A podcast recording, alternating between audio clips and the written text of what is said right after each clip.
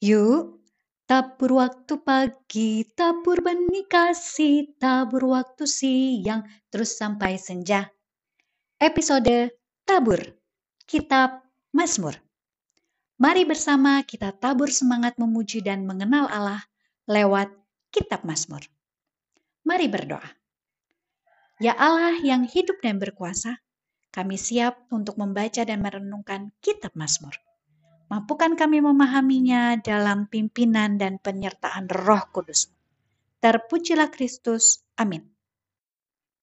Mazmur 5. Doa pada pagi hari. Di dalam Mazmur ini terasa ada suasana perselisihan di antara orang benar dengan orang fasik, sebagaimana sering kali dijumpai di dalam kitab ini. Situasinya mirip dengan pasal 3 dan pasal 4, karena di dalam keduanya ada musuh-musuh yang berbahaya mengelilingi. Mazmur ini mungkin dipakai oleh para imam ketika mempersiapkan korban pagi hari atau oleh perseorangan ketika ia mempersiapkan diri untuk beribadah. Ada tiga poin yang Ibe dapatkan. Poin yang pertama, cari Tuhan itu kapan sih? Bagaimana sih tahu bahwa hari ini akan baik-baik saja? Kadang dua pertanyaan ini atau lebih sering banget bermunculan. Dari pasal 5, Ibe kembali diingatkan bahwa cari Tuhan itu ya gaya hidup. Kenapa Tuhan sih? Karena dialah Rajaku dan Allahku. Itu merupakan ungkapan pemazmur yang menunjukkan kemahakuasaan Allah.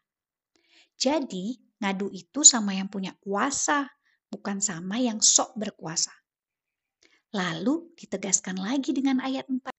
Berdasarkan tafsiran, ada tiga tindakan yang Daud tunjukkan sebagai bentuk penyerahan diri.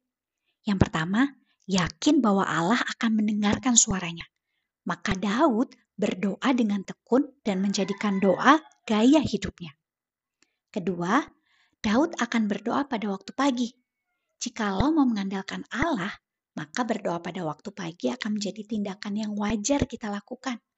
Setiap pagi yang baru meminta penyertaan baru dari kita kepada Allah, persekutuan dengan Dia, dan sarapan firman-Nya.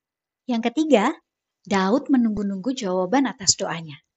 Jadi, ketika sudah mengawali dalam doa, maka sepanjang hari itu kita akan cari tanda dari Tuhan mengenai doa yang sudah kita panjatkan.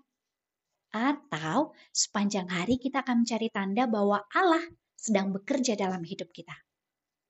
Jadi bagian pertama, kalau di awal kita sudah serahkan sama Tuhan, maka berjalannya hari akan diwarnai dengan peka dan apa-apa Tuhan.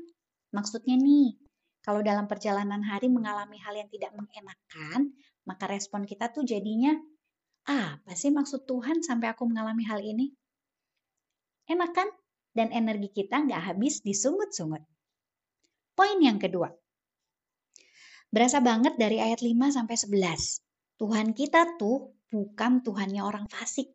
Gak ada orang jahat yang tahan sama Allah kita. Kekuatan kita ya doa. Bukan berarti kita mau mengutuki, tetapi mengadu sama Tuhan. Karena kejahatan mereka pasti tidak dikenan Allah. Tinggal tunggu waktu Tuhan. Ini nih yang kadang jadi bikin kita orang benar iri. Karena berasa Allah pilih kasih. Padahal kita nggak tahu itu belum waktunya aja. Cara kita biar nggak iri, ya balik lagi, isi dengan firman Tuhan atau mengawali hari bersama dengan Tuhan seperti poin yang pertama tadi.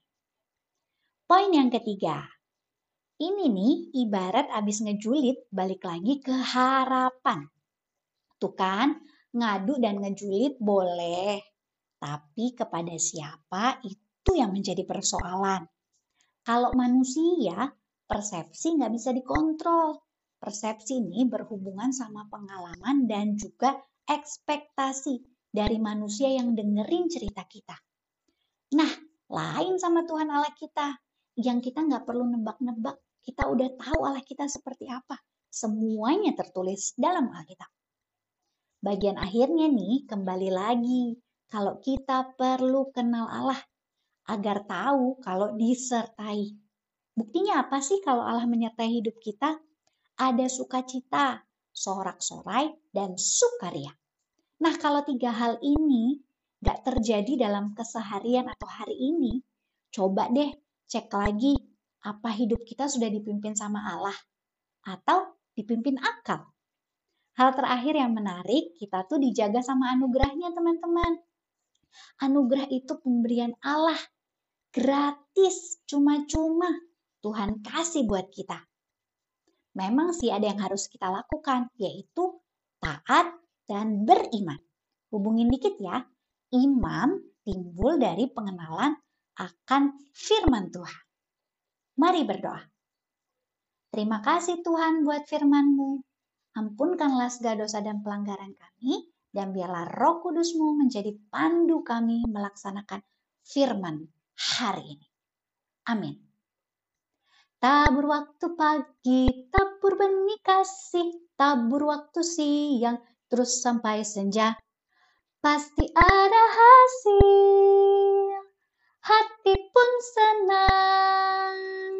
Tuhan Yesus memberkati. Salam.